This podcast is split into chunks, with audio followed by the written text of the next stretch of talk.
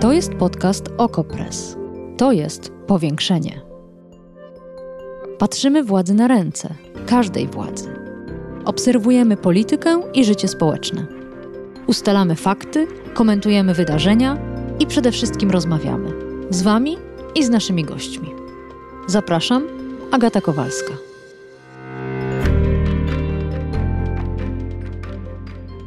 A gościem powiększenia jest Zygmunt Frankiewicz, były prezydent Gliwic, przewodniczący Związku Miast Polskich i obecnie senator Koalicji Obywatelskiej. Dzień dobry. Dzień dobry, witam bardzo serdecznie. Występuje pan dzisiaj w powiększeniu w podwójnej roli parlamentarzysty i przedstawiciela samorządów, który bierze udział w negocjacjach z rządem na temat KPO, czyli Krajowego Planu Odbudowy. I do obydwu panów, do obydwu osób y, będę miała pytania. Do senatora od razu pytanie, czy zagłosuje pan za ustawą ratyfikacyjną? Tak, zagłosuję za. A czy uważa pan, że należałoby do niej wprowadzić poprawki? Tu jest dyskusyjna kwestia, dlatego że są wątpliwości natury prawnej, czy można, czy nie można wprowadzać te y, poprawki. Na tym się nie znam, y, opieram się na opiniach. Te opinie no, są różne, ale ta, którą dysponuje marszałek Grodzki, mówi, że to jest zwykła ustawa i do zwykłych ustaw można wprowadzać y, poprawki i tego się będziemy zapewne trzymali. Przy czym te poprawki myślę, że są y, przewidywalne i będą zgodne w dużym stopniu z tym, czego oczekuje samorząd. No właśnie, przytoczę te dwie opinie. Marszałek Grodzki twierdzi, że Senat może wnosić poprawki, o ile będą ograniczone do treści ustawy ratyfikacyjnej, a z kolei dzisiejsza Rzeczpospolita cytuje też profesora Ryszarda Piotrowskiego, znakomitego konstytucjonalistę, który mówi, że takie poprawki nie mogą ingerować w treść ratyfikowanej umowy, ale mogą wpływać na sposób wykonania tej umowy w Polsce. zastanawiam się, co to miałoby właściwie oznaczać, czyli jakie poprawki są dozwolone. No, myślę, że to jest y, precyzyjnie powiedziane. Jakie to mogą być? Doprecyzowanie pewnych zasad wydatkowania tych pieniędzy. I tutaj już tak nawiązuję do dokumentu, który został złożony stronie rządowej przez samorząd, w którym jest parę warunków, z czego trzy krytyczne. To są warunki pozytywnego zaopiniowania KPO, na czym chyba rządowi zależy. I e, Pierwszy dotyczy komitetu monitorującego. To zanim omówimy te warunki, tak. to chciałam zapytać, czy z tego, co Pan mówi, wynika, że owe warunki postawione przez samorządy, trzy postulaty, to jest jednocześnie treść poprawek, które powinny być wprowadzone do ustawy ratyfikującej? To jest mój punkt widzenia, bo ja mhm. jestem przewodniczącym Senackiej Komisji Samorządu Terytorialnego i Administracji Państwowej.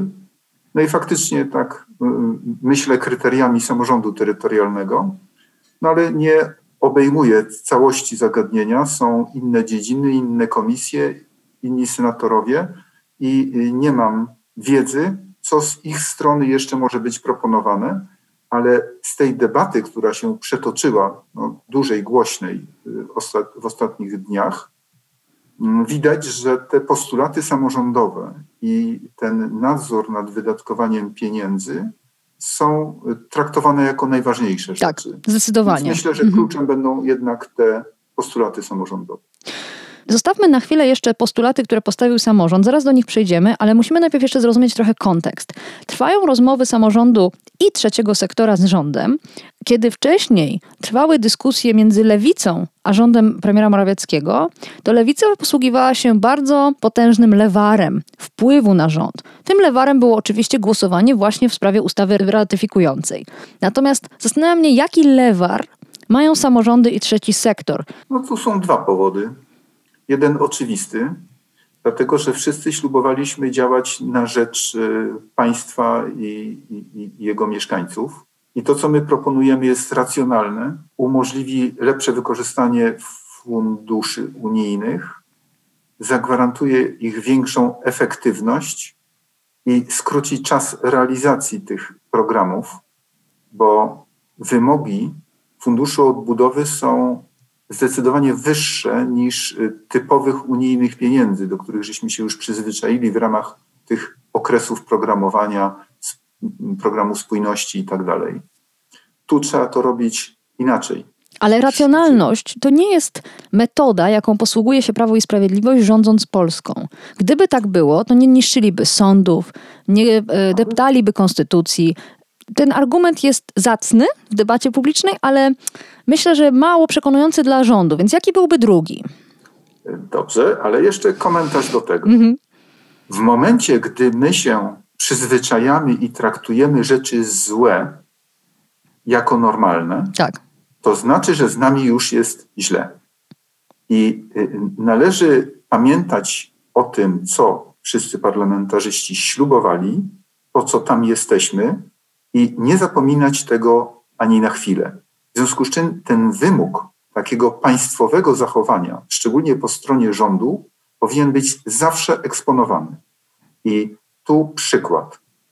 W tej chwili rząd zapisał, że będzie dysponował wszystkimi funduszami, on będzie nimi zarządzał. Tak, centralnie.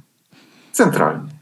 A to jest kompletnie nieefektywne i może się skończyć źle, no wręcz utratą części tych pieniędzy. I tu mnie pan przekonał. Tu mnie pan przekonał, zaraz przyjdziemy do tego postulatu. To jest jeden z państwa postulatów, tak, żeby te, te, środki były inaczej operowane. A jaki byłby drugi argument? Drugi. Powiedział pan, że macie dwa lewary. Jaki byłby ten drugi? Drugi jest y, chyba nienazwany, ale łatwo wyczuwalny, przynajmniej z naszej perspektywy. Mianowicie rządowi bardzo zależy na pozytywnej opinii samorządu do Krajowego Programu Odbudowy. Podejrzewam, że to wynika z faktu, że czegoś takiego oczekuje Komisja Europejska. I myśmy już bardzo dużo osiągnęli w trakcie negocjacji. Zaczynaliśmy od no, zupełnie nieakceptowanego dla nas y, sposobu postępowania z tymi pieniędzmi, a w tej chwili jesteśmy bliscy porozumienia. I to, o co my wnosimy, to jest doprecyzowanie i niewielkie zmiany w tym, co już poszło do Brukseli. Mhm. Więc y, dużo już naprawdę się zmieniło na korzyść. Możliwe, że pod wpływem właśnie tego argumentu. Tego do końca nie wiem, ale widać, że jest spora chęć przyjmowania tych naszych y, postulatów. Z czego ona wynika? Może z dobrej woli akurat to tym lepiej by było. O, wspaniale by było. Całkiem dobrze się e, rozmawia i są postępy. E, to proszę jeszcze tylko powiedzieć, czy Związek Miast Polskich pozostaje też w kontakcie z e, urzędnikami Komisji Europejskiej? Czy też teraz waszym jedynym partnerem do rozmów jest rząd, no i oczywiście trzeci sektor? Partnerem są te podmioty krajowe, czyli oczywiście rząd. Chcemy rozmawiać i wspólnie występować z przedsiębiorcami i organizacjami społecznymi. To oczywiste ale te nasze stanowiska, opinie, postulaty są oczywiście również do wiadomości y, Komisji Europejskiej. Mhm. To się odbywa poprzez europarlamentarzystów, którzy się tym interesują. Niektóre nasze dokumenty są tłumaczone i wysyłane do Brukseli. No dobrze, to teraz przejdźmy do tych trzech postulatów, jakie samorząd postawił rządowi. Zaraz o ich treści. Dlaczego tylko trzy? No bo ich jest siedem. Nie, nie w komunikacie, przepraszam, ale w komunikacie, który ukazał się między innymi na stronach Związku Miast Polskich, były wymienione dokładnie trzy. Ale y, obydwie y, informacje są prawdziwe. Aha. To znaczy, mm, dokument zawiera siedem pozycji i y, eksponujemy trzy postulaty, bo uważamy je za krytycznie ważne. I skupiamy się na tych najważniejszych. Ale dla może porządku z, dla zaspokojenia ciekawości, ja może wymienię później y, krótko pozostałe. Ja bym bardzo prosiła nawet na początku, te cztery pozostałe, o których nie usłyszeliśmy. Dobrze, Oczy, oczywiście. Usunięcie z KPO zapisów dotyczących wzmocnienia nadzoru nad szpitalami. Bo w KPO jest taki zapis programowy o wzmocnieniu i scentralizowaniu nadzoru nad szpitalami. I to brzmi niezwykle groźnie, bo to jest dalsze demolowanie służby zdrowia z powodów, których nawet nie chcę dociekać. I e, przed tym broniły się samorządy. Wcześniej był pomysł, żeby przejąć własność e, szpitali. Rząd to chciał e, zrobić, taki zamach swoisty. Teraz jest pomysł, żeby komisarzy wysyłać do szpitali, które mają ujemne wyniki finansowe. Przy tym sposobie y, finansowania tego szpitalnictwa i warunków narzucanych przez NFZ prawie wszystkie mają ujemny wynik. Tak. Więc w każdej chwili by można posłać komisarza, który będzie zarządzał szpitalem, może tam dowolne zmiany powodować z dowolnymi konsekwencjami, a konsekwencje tego, również finansowe, będzie ponosił samorząd, który jest właścicielem. Mm. No to jest groteska tak. wręcz. A trzy pozostałe z tych czterech, których... Już mówię. Mm. Obszary zmarginalizowane. Należy wyodrębnić środki na wsparcie obszarów zmarginalizowanych, podobnie jak to ma miejsce w gospodarce wodno-ściekowej. To dotyczy obszarów wiejskich, y, małych miast, średnich, ale również niektórych większych, które są w krytycznej sytuacji między innymi finansowej. Tu na Górnym Śląsku, gdzie y, mieszkam, takich miast jest no, dobrych parę i tam sytuacja y, no, zbliża się do krytycznej. Więc nazywamy to obszarami zmarginalizowanymi. Wyszedł postulat od Związku Gmin Wiejskich, które widzą, że w tych gminach wiejskich sporo jest takich, które no, przestają mieć możliwość dobrego funkcjonowania, zapewnienia standardu, na który wszyscy mhm. Polacy y, liczą. Mhm. To jest piąty. Szósty to jest kwestia logiki interwencji i wskaźników dotyczących stopnia osiągnięcia założonych celów. Żeby to przetłumaczyć na e, język bardziej zrozumiały, e, chodzi o pomiar efektywności wydawania pieniędzy. Tak, podnosił to, to trzeci sektor bardzo KPO, mocno. Mhm. No jest delikatnie mówiąc y, błędne. Tam jest sporo takich błędów y, oczywistych, które by trzeba było y, wyczyścić. To zapewne z pośpiechu wynikało, ale to tak nie może zostać. To, to mhm. musi zostać poprawione. To są oczywiste nieraz błędy, trochę śmieszne nawet. A ten siódmy? Ostatni siódmy to są kwestie organizacyjne. Chodzi o to, żeby na przykład zaplanować daty paru następnych spotkań, żeby to szło dynamicznie. Nie chcemy tego absolutnie opuś, y, opóźniać. Y, ustalić, że zespół ten no, negocjacyjny do spraw wdrożenia KPO pracuje do czasu powołania komitetu monitorującego. I jeszcze jedna jest propozycja, aby do zespołu tego roboczego rządowo-samorządowego wprowadzić zasady obowiązujące tak jak e, te, które działają w Komisji Wspólnej Rządu i Samorządu. To na przykład oznacza, że ten zespół ma dwóch współprzewodniczących, jeden ze strony rządowej, drugi mhm. samorządowej. To dobrze działa w Komisji Wspólnej, ważne. Bardzo ważne. A y, y, w tym postulacie organizacyjnym jest też mowa o tym, żeby na stałe dopuścić przedstawicieli e, związków zawodowych, organizacji społecznych, e, przedsiębiorców do tych rozmów w ramach zespołu negocjacyjnego, a później w ramach komitetu monitorującego? No, my z, bardzo dbamy o tych e, partnerów i upominamy się w każdym miejscu, w tym naszym stanowisku, wśród tych postulatów tak, jest to gdzieś zapisane, tak. ale zapewne w tych pierwszych trzech y, tak. nie odszukam teraz natychmiast. Jasne. W każdym razie na pewno to artykułujemy. Przedsiębiorcy i organizacje y, społeczne. I jak dojdziemy do komunitetu monitorującego, to tam to będzie widać. Do zaraz o tym powiemy, ale zacznijmy od pieniędzy. Trwa dyskusja nad Krajowym Planem Odbudowy, mimo że Lewica twierdzi, że już właściwie sprawa jest zamknięta i ta dyskusja odbywa się między innymi na Twitterze. I oto kilka głosów. Jan Olbrycht, europoseł Platformy Obywatelskiej. Uwaga, ważne nie tylko dla samorządów. Część pożyczkowa KPO oznacza to, że rząd pożycza od komisji, ale nie oznacza, że to muszą być pożyczki dla samorządów. To mogą być na przykład granty. Na co odpowiada Izabela Leszczyna, posłanka Platformy Obywatelskiej. Panie pośle, jak zawsze ma pan rację. Problem w tym, że rząd PiS w KPO napisał, cytuję, zamiarem rządu jest jednak, aby spłaty pożyczek dokonywali beneficjenci końcowi. Na to wszystko odzywa się Jacek Protasiewicz, poseł PSL. To mogą czy muszą być granty? Czy rząd ostatecznemu beneficjentowi może pożyczać i na jaki procent? Czy już dalej pożyczać nie może i musi dać w formie grantu? Pomógłby Pan w tej dyskusji? Co by Pan napisał na Twitterze, a powiedział w audycji? Rozmawiamy z rządem i y, myślę, że wiem, jaka jest sytuacja. Mianowicie to nie jest przesądzone. I przesądzono nie będzie natychmiast, dlatego że to faktycznie państwo zaciąga tą pożyczkę, i może ją jakby transferować niżej, nie musi. I nie musi to być stuprocentowe rozwiązanie w jednym czy w drugim przypadku. Czyli mówi pan, że w KPO zostawiono sobie furtkę i specjalnie nie dookreślono tak. tego, tak?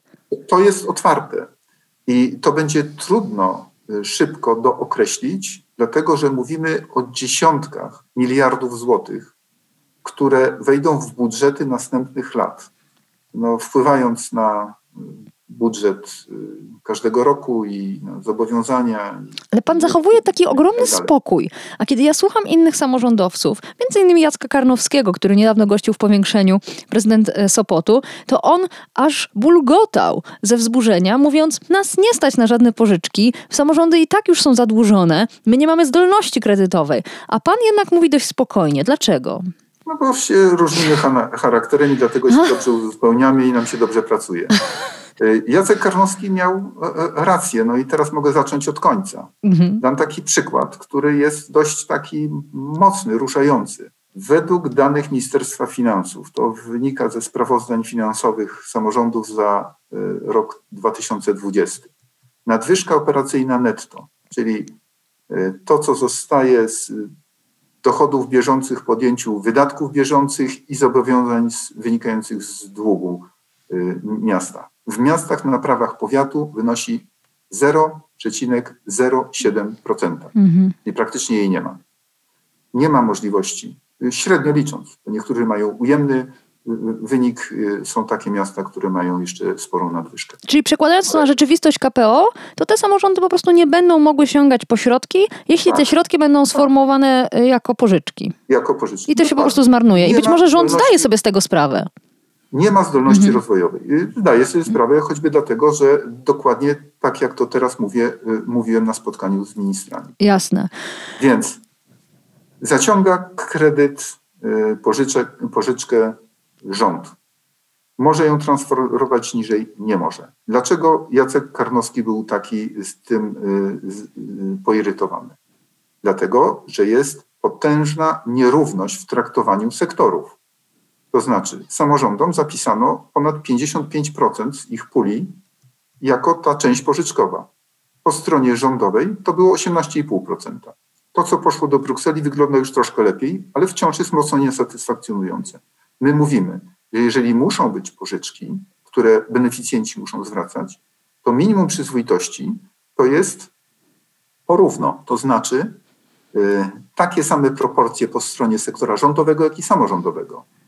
A y, biorąc pod uwagę, że samorząd nie może się dalej zadłużać, no a rząd tutaj, jak widać, ma y, zupełnie brak ograniczeń, co podczas tak. COVID-u się okazało, to to powinna być pożyczka wzięta przez państwo mhm. I dalej w postaci grantu transferowana. I to nie jest przesądzone. Mhm. Jak żeśmy usłyszeli, szybko nie będzie, bo to wymaga bardzo poważnych decyzji po stronie rządowej. Mhm. Ministerstwa Finansów, całego rządu i tak dalej. Jasne. Więc to jeszcze zapewne Czyli będzie czekamy. długo dyskutowane i teraz nikt nie powie do końca, jak to będzie. Jasne.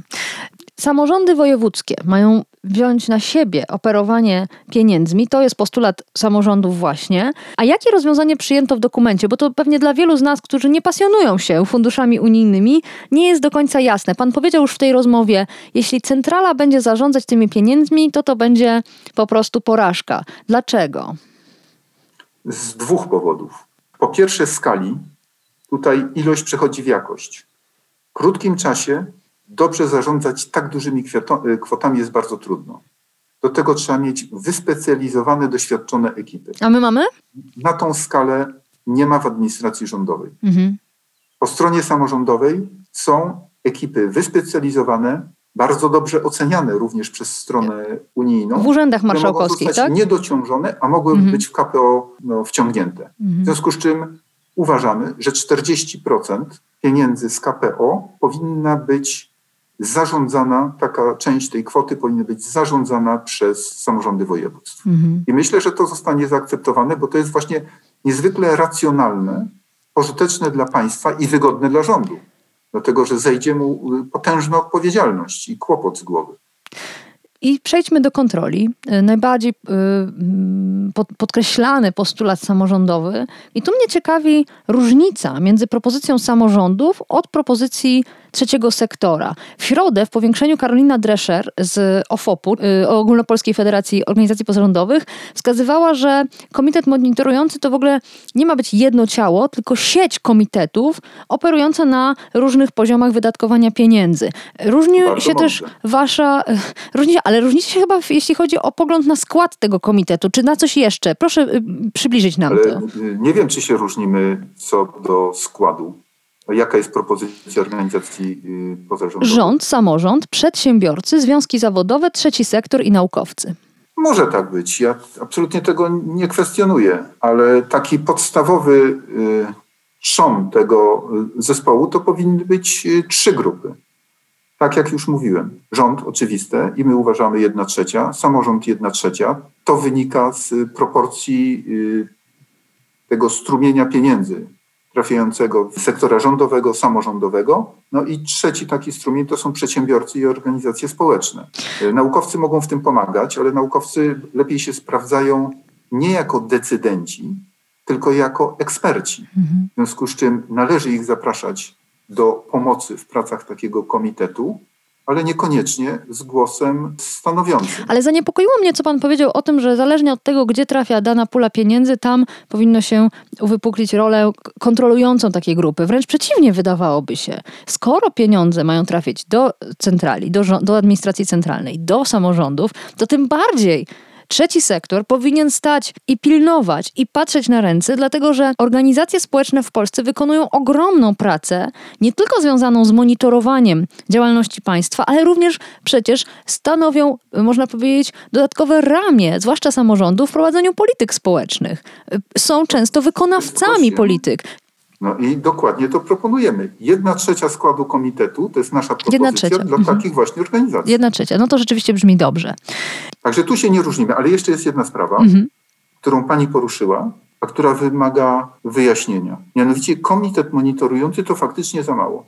Dlatego, że on będzie działał w skali ogólnopolskiej, będzie zajmował się y, całym y, KPO, rząd wielkości 100 miliardów do nadzorowania. Ale potrzebne są takie komitety w y, różnych podmiotach, które będą zarządzały kwotami kierowanymi do poszczególnych dziedzin, na poszczególne sektory. I tam też powinny być komitety monitorujące. My to nazywamy podkomitetami i na to się zgodził rząd. Także y, jeżeli zachowa się taką strukturę z takimi samymi zasadami jak dla tego dużego y, y, komitetu monitorującego, no to wtedy wszystkie te strony będą miały wgląd i możliwość wpływania na sposób wydatkowania tych pieniędzy, nie tylko tych podziałów generalnych na poziomie krajowym, ale również y, na zdecydowanie niższym poziomie. Czy jeszcze na coś rząd już się zgodził? Tak, no, mówiłem, że te rozmowy są satysfakcjonujące i wiele naszych postulatów zostało przyjętych, albo już zapisanych, albo wstępnie przyjętych. Mówiłem, że to idzie w dobrą stronę. To na co jeszcze rząd się zgodził? Generalnie kierunek myślenia o składzie komitetu monitorującego na kompetencje. Oczywiście to jest wszystko na razie y, hasłowo, nie ma y, konkretów, ale kierunek y, no, został zaakceptowany. Y, Ta alokacja jest dyskutowana 30-40%. Zarządzanie przez samorządy województwa y, myślę, że zostało dobrze odebrane, dlatego że to jest wygodne i skuteczne.